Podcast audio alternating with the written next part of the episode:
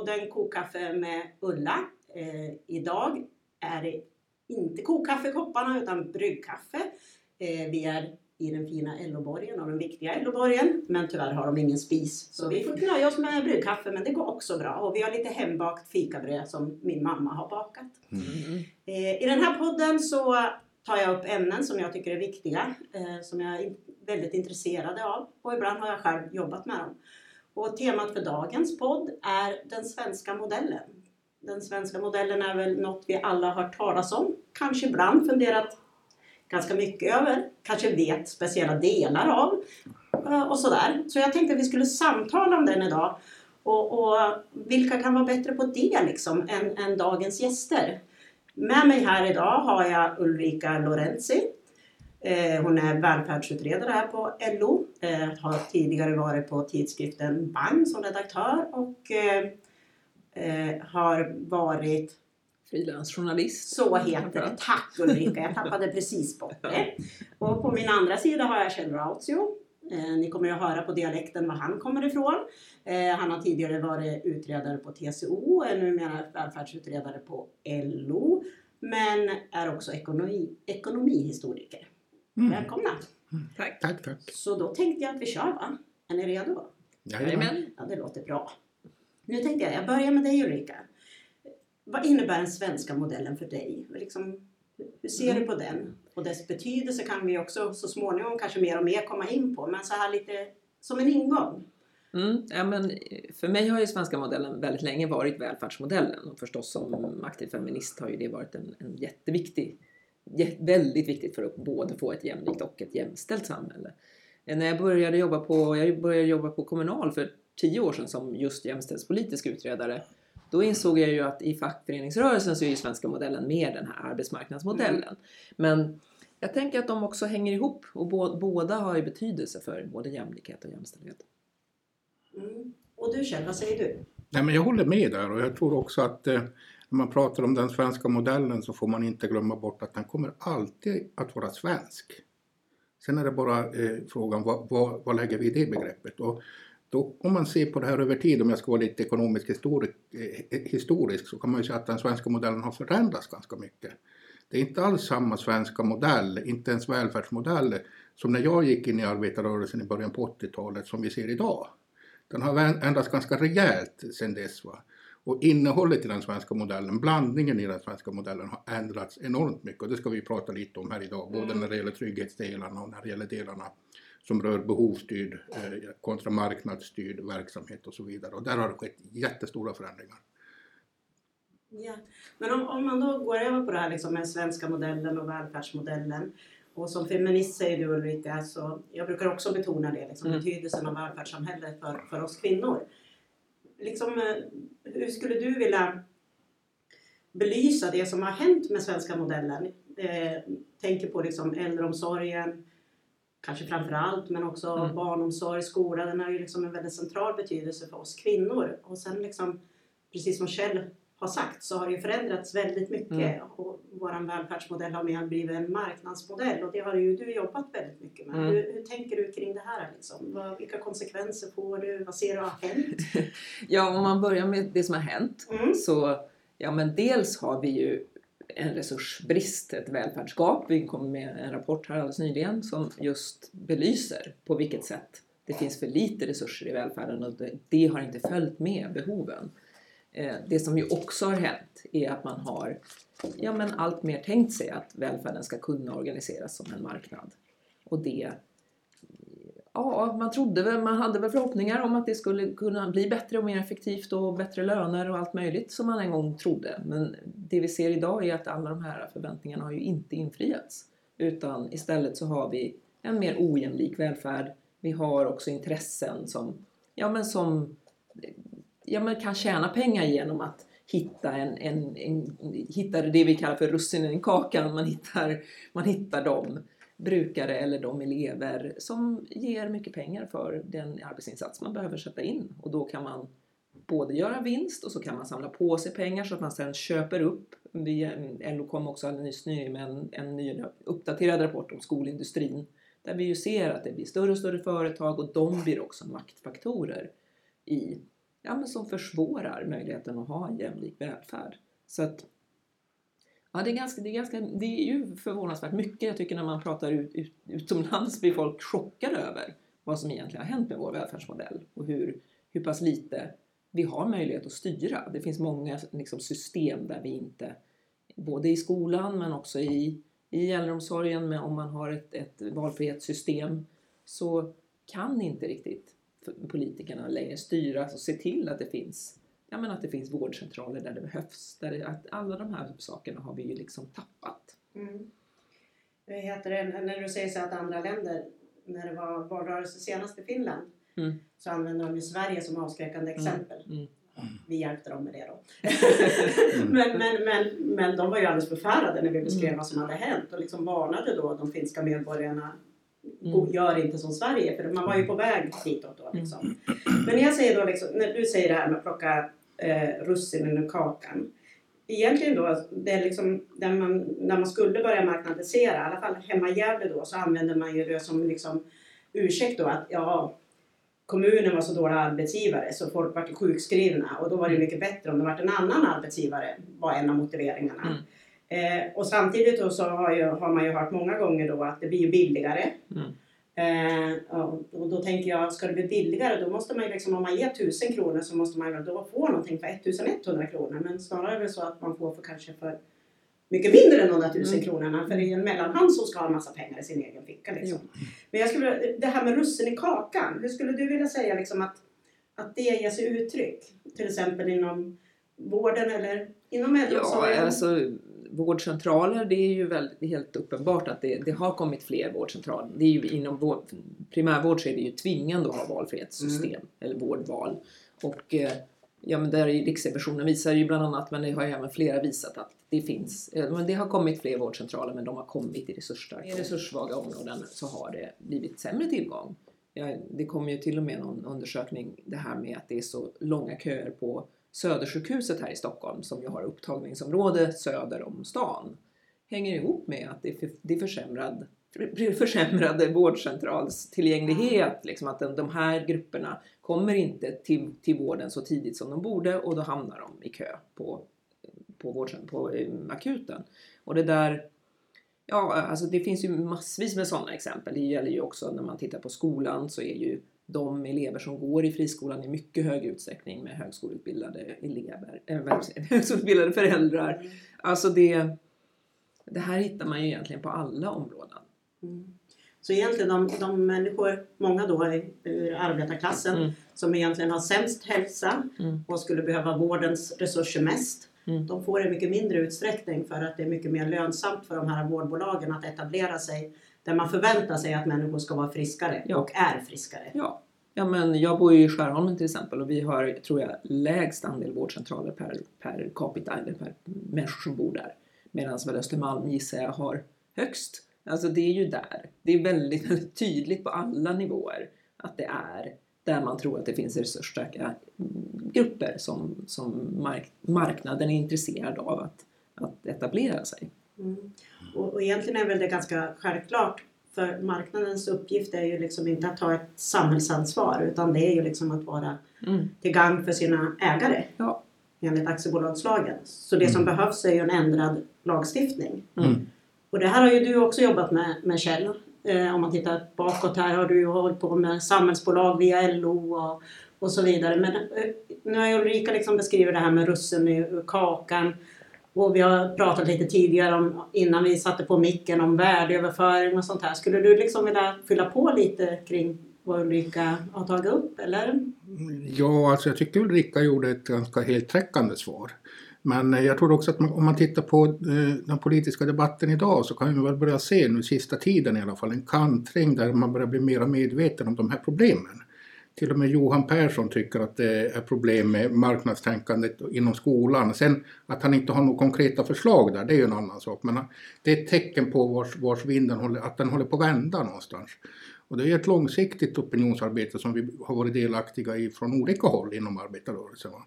Och där tror jag att det finns ju faktiskt en hel del konkreta förslag. Och du nämnde det här med värdeöverföringar. Det är någonting som man sällan diskuterar när man pratar om vinstdrift i välfärden. Att man också Eh, kan föra över skattemedel till privata fickor genom att bolag äger fastigheter där man driver välfärdsverksamhet och höjer hyror och plockar över pengar på det sättet i privata fickor. Så det är också en sån där sak som man måste, ett hål som man måste täppa till. Och där finns det ju förslag. Vi och ni och Irma Reepalu har ju plockat fram förslag eh, hur man ska kunna komma till rätta med det här. Och jag tror att, att eh, förutsättningarna att komma framåt, ta steg framåt här är lite större idag än vad det var för några år sedan. Därför att vi har fått så många exempel på det här som Ulrika beskriver. Mm. Alltså hur, hur vinstdriften har helt enkelt perverterat utifrån våra välfärdspolitiska målsättningar. Eh, och så. Och det saknas inte konkreta förslag när det gäller att, att komma åt det här, utan det det handlar om det är politisk vilja.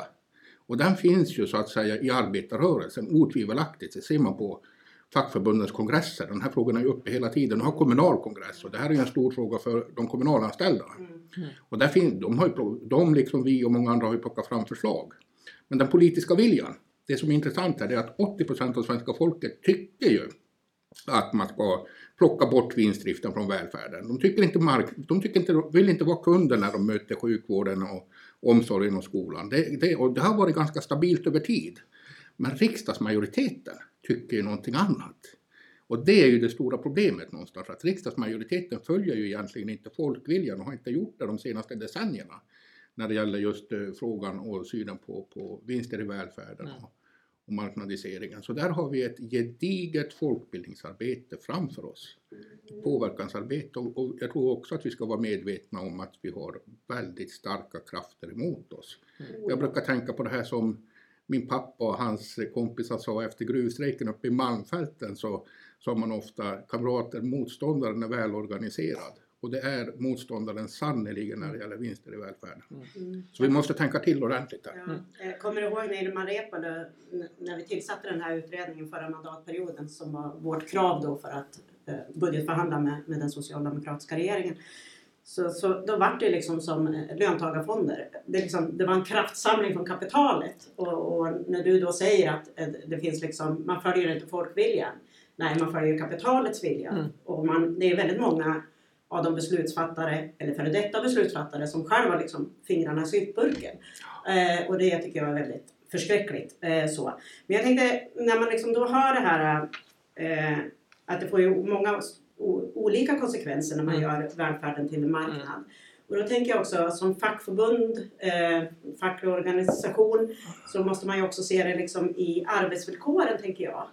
Mm. För resurserna går ju liksom inte till själva verksamheten utan det går ju till en hel del annat också. Allt mm. ifrån reklam för skolor eller till ja, vinster till ägarna eller att köpa upp nya företag, skolor, mm. vårdcentraler, och sen så säljer man av det en gång till så att säga och fördubblar ja. Ja, sin, sina vinster så att säga på det sättet.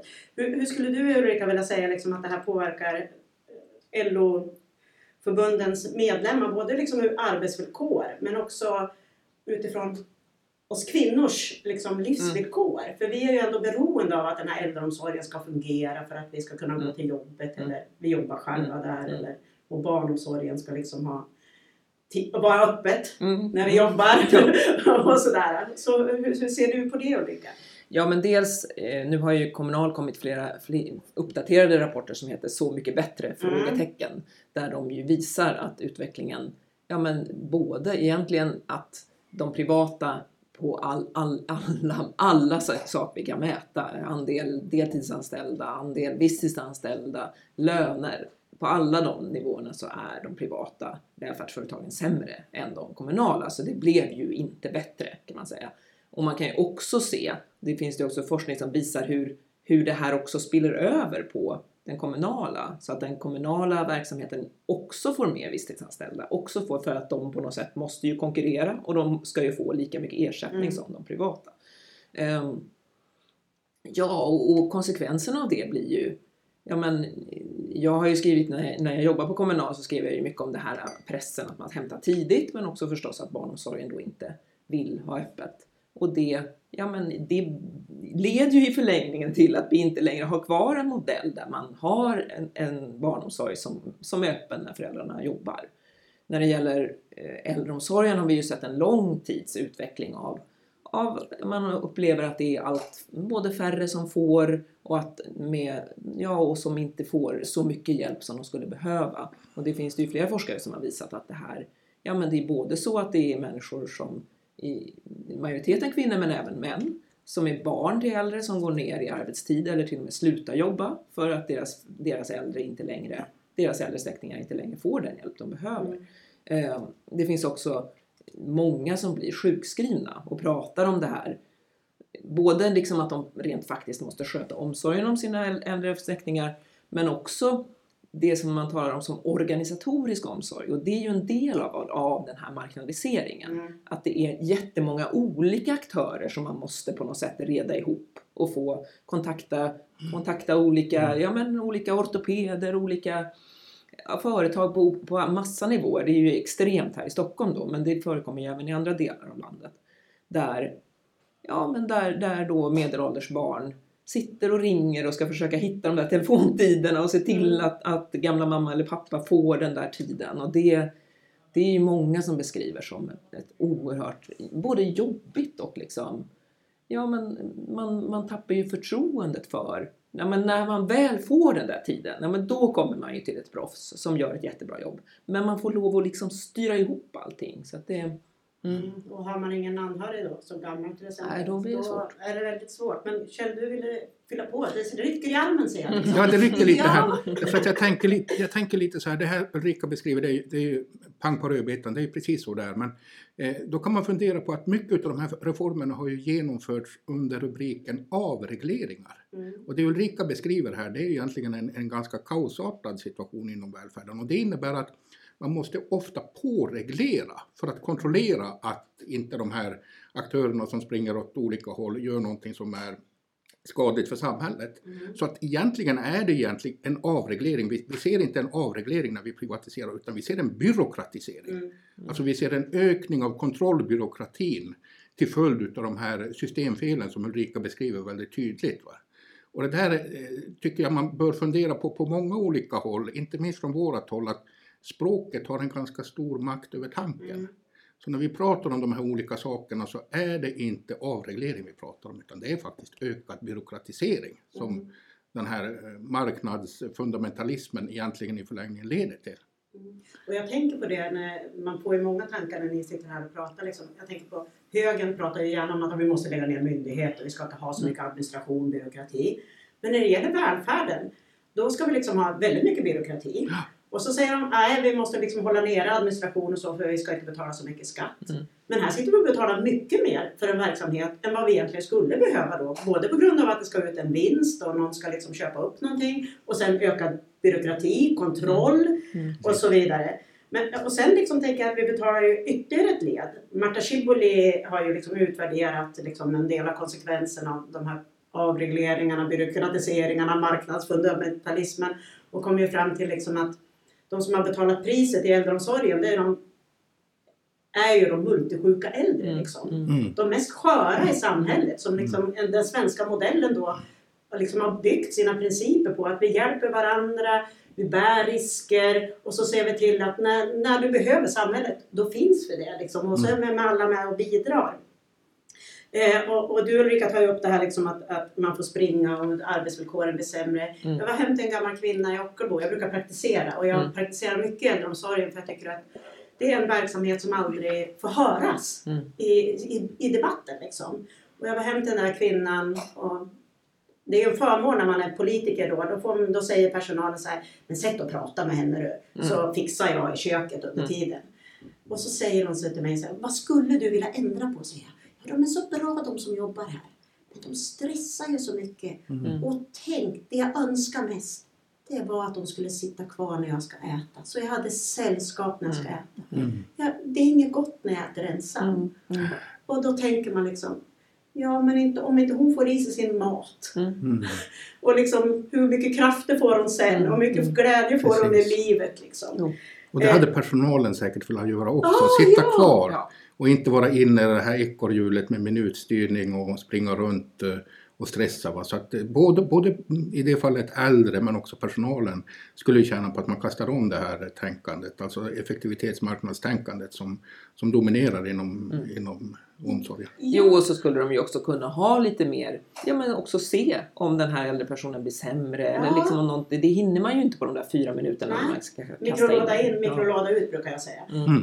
Nej men jag tänker så också. Och sen har vi ju liksom jättestora problem med att få eh, personal till Mm. de här välfärdsverksamheterna. Och får man höra då att det är mikrolåda in och mikrolåda ut, då börjar man ju undra, ska jag verkligen gå och utbilda mig för det? Mm. Eh, när man egentligen då har sökt det här jobbet för att man är intresserad av människor, man vill hjälpa och man är Mm. professionell. Liksom. Och så Mm. får man inte använda den kompetens och kunskap man har då. Mm. För det är precis som du säger, den här sociala biten är ju Mm. helt avgörande för att man dess- dessutom ska få rätt insats men också behålla förmågan. Mm. Liksom. Så ja, det finns mycket att säga om det där, Mm. eller hur? Mm. Eh, jag, jag tänker liksom så här då att nu har vi liksom pratat en del om, om, om eh, eller en del om liksom eh, välfärd, den svenska modellen kring privatiseringarna, välfärden och så. Men du Kjell och, och du och jag har haft en hel del kontakter där. Mm. Vi har ju liksom jobbat mycket kring, kring våra försäkringssystem, inte minst Precis. sjukförsäkringen. Och det är också en central del av svenska modellen. Hur skulle du vilja beskriva den delen liksom av den svenska modellen?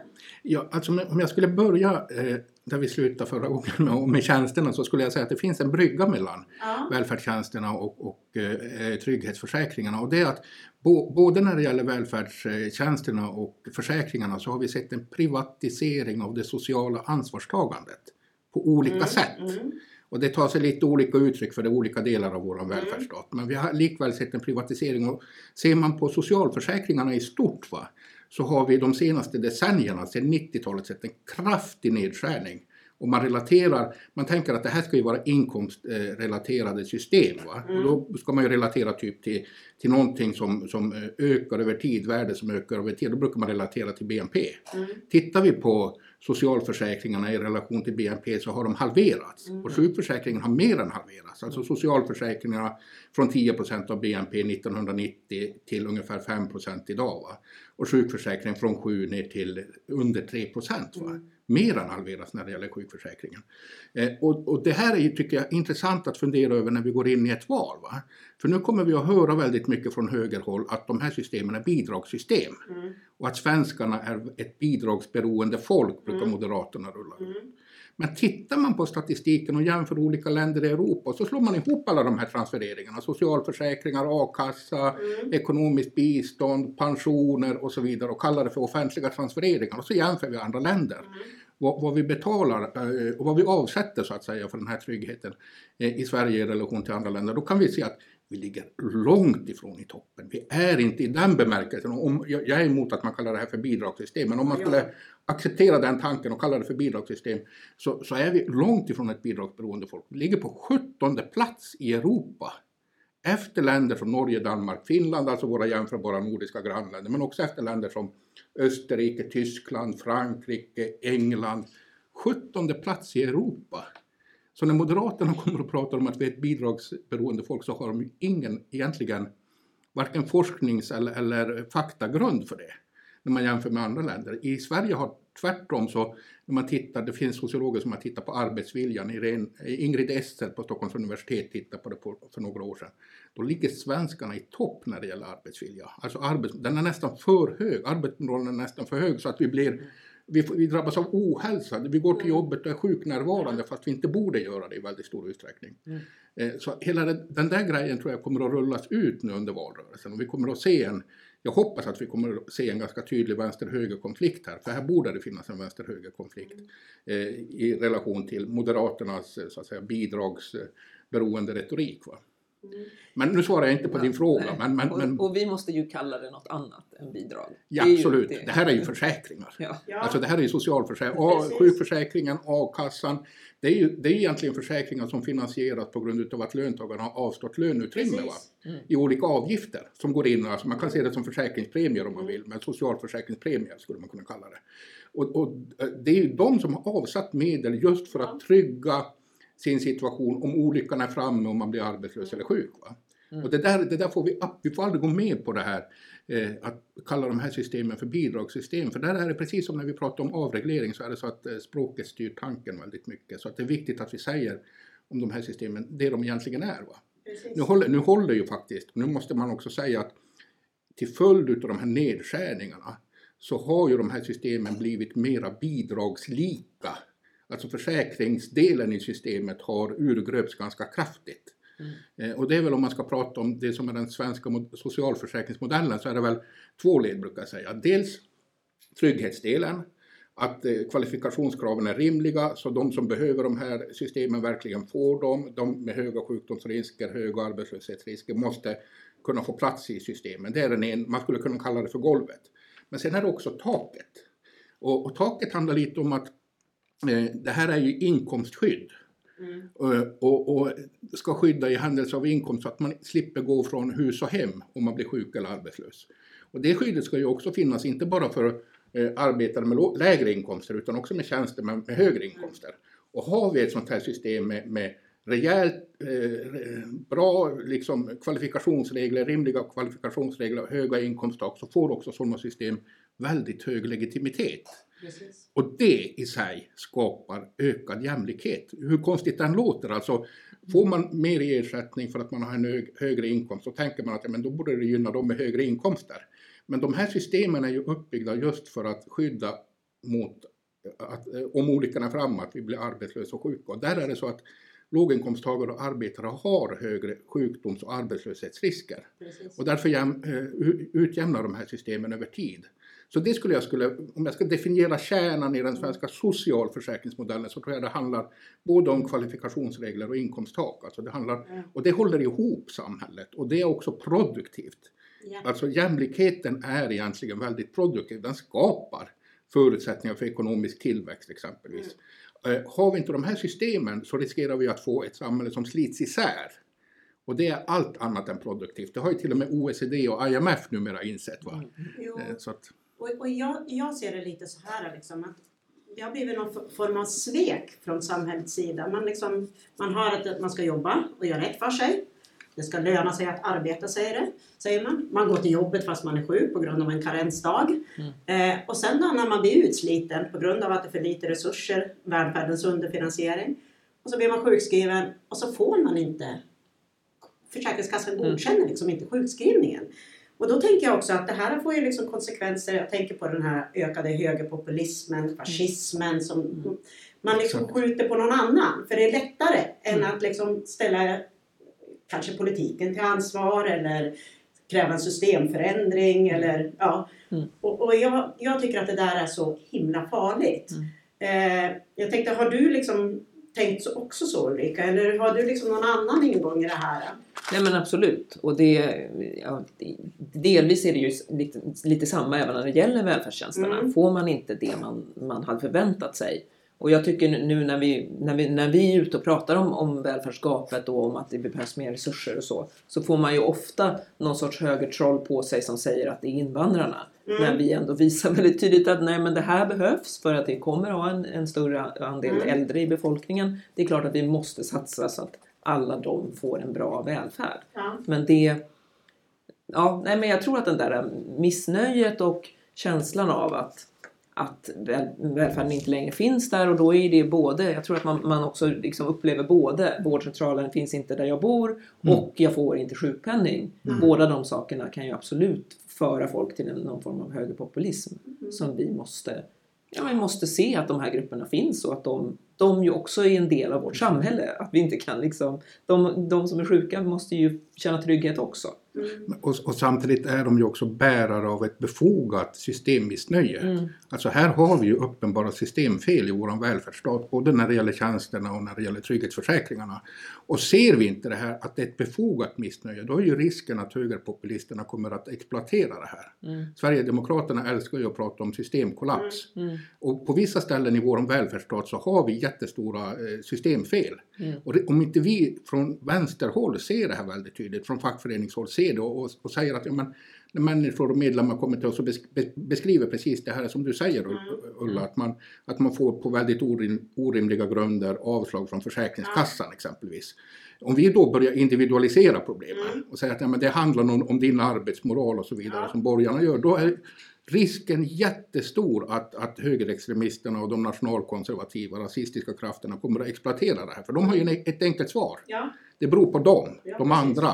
Mm. Så att säga. Och det beror inte på att vi har stora systemfel som vi måste reparera. Va? Mm. Så att det, det, det där tror jag är jätteviktigt att lyfta fram. Lisa Pelling skrev ju en bra bok om det svenska missnöjet. Mm. Där hon sätter fingret just på de här mekanismerna. Va? Mm. Nej, man slår ju neråt liksom. Precis, det är så det blir. Ja, eller Ja. på någon, någon som man tänker är på ett annat sätt. Ja, precis. Som man ser, för det är ju just det, är det som välfärdsstaten kan ju skapa en solidaritet, Mm. men om, om den fungerar så att säga. Så. och jag, jag tänker på det, liksom, det här är ju solidaritet. Det är ju liksom Mm. det som är, är vårt samhälles styrka. Att vi har byggt system som finns där för oss alla. Mm. Och, och, och är olyckan framme så är du skyddad för du är en del av det här systemet, du är en del av Mm. det här samhället och du har varit med och bidragit. Alla kan inte vara med och bidra, men Mm. vi tar ansvar för varandra och vi bär varandras risker liksom. Mm. Och det här har ju tagit årtionden, ja mer än så, Mm. att liksom Mm. bygga upp. Mm. Och sen bara på något decennium så blir det liksom har det blivit sämre och sämre. Du har ju varit inne på det Kjell och jag tänker eh, du har ju varit inne på det eh, utifrån ja, privatiseringar och, och arbetares villkor och så. Eh, Liksom, jag tänker att det här påverkar ju både solidariteten mellan människor men också liksom arbetares löneutveckling, trygghet och liksom otrygghet är ju liksom en väldigt farlig faktor i samhället. Ja. Eh, men jag tänker liksom att skulle ni liksom kunna belysa lite utifrån LOs olika gruppers perspektiv vad det här med liksom att man har en dålig sjukförsäkring eller en a-kassa som också har blivit väldigt svår att kvalificera sig till. Vad det har fått för konsekvenser utifrån ert perspektiv. Ni får börja vem ni vill liksom. Ja, du får börja. Nu, Ja, jag har ju sagt lite om det, alltså konsekvenserna, men jag möter ju Alltså jag, jag möter ju många LO-förbundsmedlemmar som ringer till mig och vittnar om de här systemfelen. Va? Och bland de tuffaste samtalen som jag har haft eh, har oftast eh, arbetarkvinnor vittnat om. Alltså jag har några sådana där samtal som jag aldrig kommer att glömma när eh, kvinnor ringer och berättar att de har på väldigt orimliga grunder blivit utförsäkrade från sjukförsäkringen. Va? Och är beroende utav mannens inkomst. Mm, Och så berättar de att eh, i hemmet finns det våld mm, och de lever i en destruktiv eh, relation som de egentligen skulle vilja lämna men de har inte råd. Mm. Och det där är så påtagligt och det går, det gick, det går så djupt, var, varje samtal, jag har fått en hel del sådana samtal, har gått så djupt in i mig. mm, Alltså, och, och det säger rätt mycket om alltså hur framförallt arbetarkvinnor, hur utsatta arbetarkvinnor är när välfärden brister, när Mm. välfärden sviker. Mm. Och, och det rör inte bara jämlikhet, nu har vi pratat mycket jämlikhetsfrågan, det rör också jämställdhetsfrågan. Alltså det här Mm. påverkar stämningen och maktförhållandena vid, vid köksborden i Mm. väldigt stor utsträckning, hur våra välfärdssystem och välfärdstjänster fungerar. mm, Eh, Och jag tror att här har LO-förbundsmedlemmarna väldigt många erfarenheter som de bär på, som inte får komma till uttryck i samhällsdebatten. Alltså för man, vi hör inte så mycket av de här berättelserna, alltså djupet och vad de här berättelserna gör med människor egentligen, också när det gäller liksom det innersta. mm. Eh, och det tror jag att vi skulle behöva prata betydligt mycket mer om. Det handlar både om jämlikhet men det handlar också väldigt mycket om jämställdhet mellan könen. Mm. Eh, och, och, och sådär. Så att eh, jag tror, alltså när, när jag är ute på fackliga utbildningar så möter jag väldigt mycket sådana här berättelser utav fackligt förtroendevalda. Mm. Som berättar hur de som företrädare för fackförbundet har hanterat den här situationen när människor hamnar i kläm på det här sättet. Mm. Va? Eh, och, och de har ju väldigt mycket tankar om hur man skulle kunna förändra på de här systemen. De är kloka oftast Mm. där ute. Man, man, man slås ofta av hur mycket klokskap det finns ute i svensk fackföreningsrörelse. De ser bristerna och de ser vart man skulle behöva lägga in stötarna någonstans. Mm. Och den klokskapen skulle man behöva ta tillvara. Olof Palme pratade ju någon gång om den svenska, en del av den svenska modellen som en studiecirkeldemokrati. Va? Mm. Och jag tror att det ligger någonting i det där att, att den, i den svenska modellen så finns också en folkrörelseaspekt. Alltså Mm. just att de här berättelserna bärs fram via fackliga organisationer och folkrörelser till politiken och får göra skillnad. Mm. Eh, och, och den, alltså man ska återupprätta en del av den svenska modellen som, som är viktiga så, så tror jag den här folkrörelsebiten är väldigt viktig. Mm. Alltså att, det är den, alltså att de här berättelserna får komma till uttryck Mm. politiskt. Jag har egentligen två tankar om jag får Mm, lägga till. ja, Jag har två, två tankar om, om välfärdstjänsten också. Det är dels, vi kommer ju med, apropå jämställdhet så kommer Mm. ju jämställ, vår jämställdhetsbarometer i år handlar om familjepolitik Mm. och, och bland annat barn, barnomsorg på Mm. obekväm arbetstid. Och det är en sån en sån där fråga som liksom, den kommer ju, det är ju oerhört svårt att få ut den i, i, i samhällsdebatten Mm. eftersom alla som skriver själva jobbar på, på kontorstid. Mm. Så de har, förstår inte hur stort problem det är att barnomsorgen, och det är ju det är, så har det ju i och för sig varit hela tiden, att den, den inte har varit lagstadgad på obekväm arbetstid. Men, men det har ju också, tänker jag, ännu mer förvärrats när, när förskol, förskolepersonal upplever att det enda de kan göra för att få en rimlig arbetsmiljö är att och lite så antyda till föräldrarna Mm. att de kanske ska hämta lite tidigare. Ja. Det var ju en förskräcklig artikel i, i, i Arbetet som skrev om en, en ensamstående kvinna i, hon var undersköterska tror jag, som fick orosanmälan för att hon hämtade så sent på ja, det såg jag På- också. Det är fruktansvärt. eh, förskolan. Ja men för att man tänker sig Mm. att det, Mm. alla, kan, alla ska kunna hämta tidigt. Ja. Och det är ju inte förskolan är också. Alltså den förskolan, det handlar mycket om att man ska lära sig saker och så Mm. men det är också en servicefunktion. Det är en barnomsorg. Mm. Eh, Så det är en sån där eh, område där man ser att, och där är också många, när jag jobbar på kommunal träffar många barnskötare, så vittna om att det har liksom förändrats i hela mentaliteten på förskolor ofta. Att man, Mm. nej, man, man tänker sig, och, och, eller som till och med ringde, då jobbade jag ju mycket med den frågan, och de ringde och var en, en barnskötare som ringde och tyckte men vi orkar inte ha öppet längre. Vi har så många barn här så man bara ja men det är ju inte ditt ansvar Nej. utan det måste ju vara en politik som, som ser till att det finns de resurserna som man kan ha öppet längre. Ja. Eh, Men, för det är den ena sådär, den andra jag tänker på är ju privata sjukvårdsförsäkringar som ju Mm. liksom pressas på, även om LO har ett väldigt tydligt ställningstagande emot så har ju både TS, många TCO-fack men framförallt många, väl majoriteten av SACO-facken har ju privata Mm. sjukvårdsförsäkringar redan. De har redan börjat hitta, alltså än så länge så är det ju det här det är ganska många, det är väl 700 000 personer som har privata Mm. sjukvårdsförsäkringar men det in, innehåller ju ganska lite så därför är de billiga. Men det är ju ändå en mentalitet som förändras att nej men jag kan inte lita på, Nej. på den sjukvård vi har så därför det verkar ärligt talat mest som de där sjukvårdsförsäkringarna det är någon som man kan ringa till en person och den personen kan hitta vård åt en Mm. istället för att man själv ska Mm, hålla på mm, med det här mm. trasslet liksom i, i Mm. en marknadsvård. Så att eh, båda de där, eh, det, det är Mm. olika sprickor liksom som, som eh, samtidigt som jag tycker att det är Mm. också intressant när man ser, som institutet visar ju att svenska folket snarare har blivit mer positiva till att satsa på, på offentlig Ja. sektor. Och liksom en mer, ja, mer kritiska till privatisering. Mm. Så att på sätt och vis tänker jag att högerns, högerns idé om att man ska liksom bygga in det här och så ska det långsamt glida över till en Mm. annan modell. Mm. Ja, det finns ju i alla fall en folklig, folkligt missnöje och ovilja mot det. Mm. Sen måste vi ju se till att vi kan vända utvecklingen ändå. Det kommer ju inte ske av sig självt. Mm. Och det tänkte jag faktiskt komma till. Ja! Men bara så här, liksom så en liten reflektion. Vi räknade nyligen ut att, att eh, sedan 1990 då fram till mm, någon månad sedan eh, så har vi sänkt skatter. Eh, eller skatteinkomsterna då har ju minskat med 440 miljarder per år på grund av skattesänkningar. Mm. Eh, och då kan man ju liksom, då förstår man ju liksom varför den här barnskötaren då säger kan ni komma och hämta Mm. era barn tidigare? Eller man förstår ju också varför liksom sjukförsäkringen inte finns där för de här kvinnorna som du tar upp Kjell. För man har ju liksom, det har ju finansierats genom Mm. att man inte har skrivit upp pengarna till välfärden eller att man har raserat regelverket i sjukförsäkringarna och, och a-kassan och så Mm. vidare. Eller strama åt det något rejält liksom. Och, och vi har ju liksom pratat om konsekvenserna av det här och hur systemet ser ut. Men man måste ju sluta på något sätt där det finns hopp, eller hur? Så då tänkte jag att vi skulle komma över till den delen. Mm. Eh, hur gör vi nu då?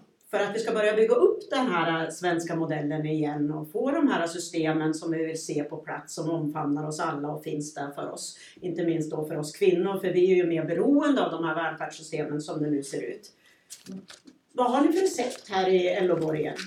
Kan man få höra lite av det så här liksom så att man får bära med sig det i hjärtat ut och vi ska ju kämpa vidare med det här liksom för vi måste ju vända på den här utvecklingen. Så Ja. vi börjar Ulrika. Ja, när det gäller välfärdstjänsterna har ju vi gått ut och sagt att nästa mandatperiod måste man satsa 201 miljarder mer kronor än vad vi har gjort, eller än vad, man, vad som kommer ske av sig självt så att säga. Mm. Och, så det är ju mer pengar förstås. Mm. Det är, se till att man kan anställa mer personal och det är ju ett helt det handlar ju både om att, de måste få, att det måste bli en arbetsmiljö, det måste bli attraktiva jobb förstås, men Mm. också att man bygger ut så att det finns utbildningsplatser så att människor får den kompetens som behövs för att arbeta i välfärden. För det här är ju men, viktiga och svåra jobb. Mm. Så, så det behövs ju liksom, det behöver man göra. Och sen är ju den stora frågan är ju egentligen, ja men hur tänker vi om kring välfärden så att vi inte längre tror att det är, är någon sorts, eller vi, vi kommer ifrån den här idén om att det är marknaden som ska göra välfärden bättre. Vi behöver ju på varje välfärdsområde titta på, ja men i, i sjukvården, man behöver göra en stor, och det är ju delvis på gång, men man måste verkligen se till att det finns en fast läkarkontakt, att det finns en kontinuitet, att det här är en trygghet med sjukvården som, som kan samordna vården kring, kring den sjuka personen. Och i, även i hemtjänsten att man, idag är det ju i genomsnitt kommer 16 olika personer till en hemtjänstmottagare på, en, på två veckor. Det är ju fullständigt orimligt. Det måste ju organiseras på ett annat sätt. Att det finns en fast omsorgskontakt. Det finns någon som tar, har ett, ett, liksom både kommer hem ofta till den här personen, ser om den personen blir sämre eller vad den kan tänkas behöva och eh, följer och, och ser till att, att det hänger ihop. Eh, och det är ju samma sak med Kommunal driver ju mycket med bemanningskrav, att man, att man liksom kommer vidare och det här kommer ju vara massa steg men att vi ser att utveckla välfärden måste vi göra på något annat sätt än, än att tro att det är marknaden som löser en, en bättre välfärd. Det här måste vi ju göra gemensamt. Och det, där, ja men en del av det handlar ju kanske om att ta, ta tillbaka saker i egen regi som är för svår att, att köra som för svår att upphandla på ett sätt som blir bra. Och det, ja, jag tror att det finns, det ju, finns ju, finns ju sådana tecken liksom med Mm. Lomma som har tagit tillbaka all sin äldreomsorg mm, med moderat styrt, styre. Men, så det går ju att göra. Och det går att göra både ganska mycket lokalt men jag tänker också att det är, ja men vi vill ju till exempel att hela lagen om valfrihetssystem avskaffas. För det är inte en rimlig lag om man ska ha en välfärd som vi kan, kan ha kontroll över. Nej, Mm. det är inte så demokratiskt heller. Liksom. Nej.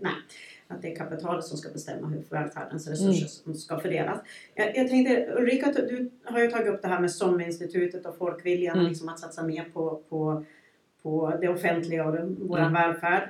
Och du själv pratade ju tidigare om det här med folkrörelse liksom, Mm, mm, av, mm. av Palme och, och att vi måste liksom ha någon form av folkrörelse. Jag tänker liksom om man ska komma till någon förändring så måste man liksom på något vis få en folklig mobilisering, Mm, en, mm. en gemenskap, en, liksom en Mm. gemensam vilja att trycka på Mm. för att Mm. få en politisk förändring. För den politiska förändringen måste ju till för att det här ska Mm. lyckas. Hur tänker du kring det Kjell? Liksom? Ja, om jag får bli lite ekonomisk Ja, du historisk så... får bli vad du vill här.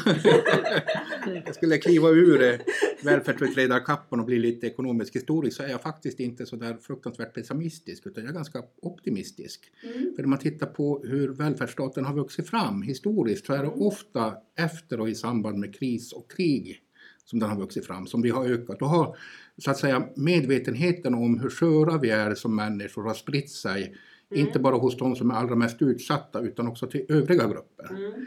Eh, Och nu har vi gått igenom en global kris i form av en pandemi. Där vi väldigt tydligt, inte minst i det här landet, har sett hur beroende vi är utav de som går till jobbet varje dag. Mm. Alltså eh, vanliga löntagare i Sverige. Had- Hade inte LO-förbundens medlemmar gått till jobbet så hade landet stannat. De kan inte jobba hemifrån. Nej, nej. Och det där tror jag är en, en, en medvetenhet som har spridit sig i vårt samhälle. Lik, Mm. likväl som att det har spridit sig en medvetenhet om att det är nog ganska bra att ha starka välfärdssystem. Sjukvården och sjukförsäkringen har varit oerhört viktiga under pandemin. Alltså för att, som någon form av skyddsvallar mot eh, fattigdom och utsatthet. Mm. Va? Mm. Och det tror jag också har spridit sig och det där tror jag är viktigt att vi på något sätt tar tillvara. För det här pratar man väldigt mycket om på fackliga utbildningar. Att nu har vi ju sett var bristerna eh, ligger väldigt tydligt under pandemin. Mm. Och pandemierfarenheterna tror jag vi kan använda oss väldigt mycket av eh, och borde också leda till, till någon form av mer progressiv välfärdspolitik, alltså med jämlikhetsprägel. Så jag är, alltså utifrån ett långt liksom, ekonomiskt historiskt perspektiv så kan jag känna en, en ganska stor eh, optimism. Jag tror att, att, att, att vi kommer att se en period framför oss eh, där vi kommer att känna ett ökat tryck på politiken att eh, göra välfärdsstaten mera generös, utbyggd och eh, vass på något sätt. Eh, så att, och det, det är bara frågan hur vi kan kanalisera och ta tillvara på det missnöjet i arbetarrörelsen. Vi som vill samhällsförändring. Alltså vi måste, vi måste bli bärare utav de här så att säga, som jag, berättelserna va? Eh, som finns och den här ökade medvetenheten om att vi faktiskt som människor är ganska sköra. Inte bara eh, de som är arbetare utan också tjänstemän och vi som kan jobba hemifrån är ganska sköra i utsatta lägen och vi behöver välfärdsstaten och mm. trygghetsförsäkringarna. Mm. Jag tycker det som är, är, lite lurigt här, vi får se hur, hur, hur, det, hur det går i valet. Det finns ju också en hel del partier på högersidan som nu pratar lite på det här sättet. Så att, mm, det, det, man måste, måste ju också syna vad är det, vad är det för förslag? Mm. Vad, vad är det de faktiskt tänker göra? Till mm. exempel som Kristdemokraterna som säger att de ska förstatliga sjukvården. Mm. Men förmodligen har de tänkt sig att det ska gå över till obligatoriska privata sjukvårdsförsäkringar mm. som, som administreras av försäkringsbolag. Eh, det där, och det, det är lurigt. Jag tänker att det, folk, ja, alla partier ser ju att den här vinden blåser och då måste vi ju vara duktiga på att förklara vad är det då som faktiskt behöver göras och att det Ja, ja men det, det, det handlar ju det handlar liksom om, om, mycket om, om att se till att det finns de pengar som behövs och att, det finns, att man gör de satsningarna. Det finns liksom inte någon enkel bara säga förstatligande så kommer det lösa sig. Liksom. Nej, så är det ju. Verkligen. Att, att, vi måste vara väldigt konkreta när det gäller de här systemförändringarna som, som vi ser behövs. Va? Mm jag och Ulrika och några andra plockade fram det här programmet, LOs välfärdsprogram Trygga välfärden. Mm. Där vi försökte samla liksom det batteri utav förslag som vi har på mm. välfärdsområdet. Mm. Och där går vi ju faktiskt ganska långt som facklig organisation. Vi har ju faktiskt väldigt detaljerade och konkreta förslag exempelvis på sjukförsäkringsområdet. Vi har tagit, där har vi börjat ta steg i rätt riktning, mm. vi har jobbat tillsammans mycket med det. Men det finns oerhört mycket kvar att göra där. Vi är långt ifrån färdiga när det gäller liksom att reparera det trygghetssystemet eller reformera det trygghetssystemet. Och, och då måste vi vara väldigt konkreta varför vi, var, vi tycker man ska lägga in stöten. Annars blir det lite en risk som Ulrika är inne på att det blir väldigt mycket politiskt snömos. Mm. Att man också från högerhåll kommer att säga att ja, men vi vill också vara alla goda gåvors mm. givare och så vidare. Och sen hamnar det i någon form av ganska generell, fluffig liksom, politisk retorik som är till, all, som är till intet förpliktigande. Mm. mm. Och det är, därför vi, det är därför tror jag det är viktigt att vi, att vi, går, att vi får ner liksom, eh, den här underströmmen som finns nu i samhället. Alltså, och, och människors eh, uppfattningar om att välfärden är viktigt, att vi får ner det till konkreta politiska reformer. Det här vill vi se. Och så får vi ta kamp för det. Och så får vi inte glömma att, att det parti som längtar efter uppgörelser innan man har gjort klart sin egen politik får andra partiers politik.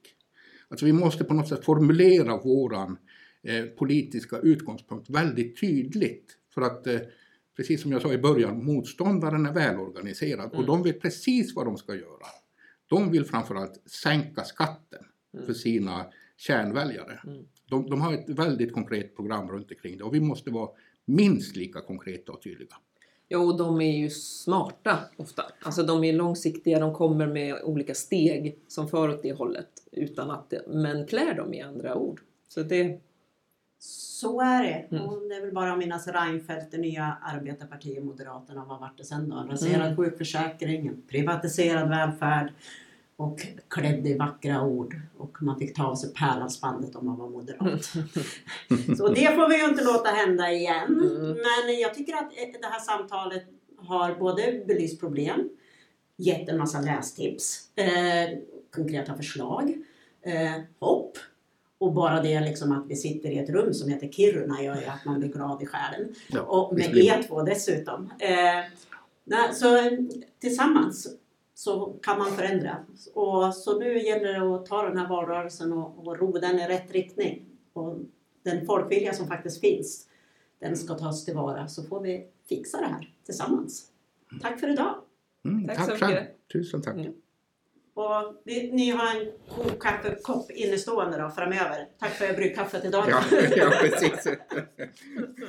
Exakt. Jag hade ju gärna velat bjuda på kokkaffe men det går ju inte.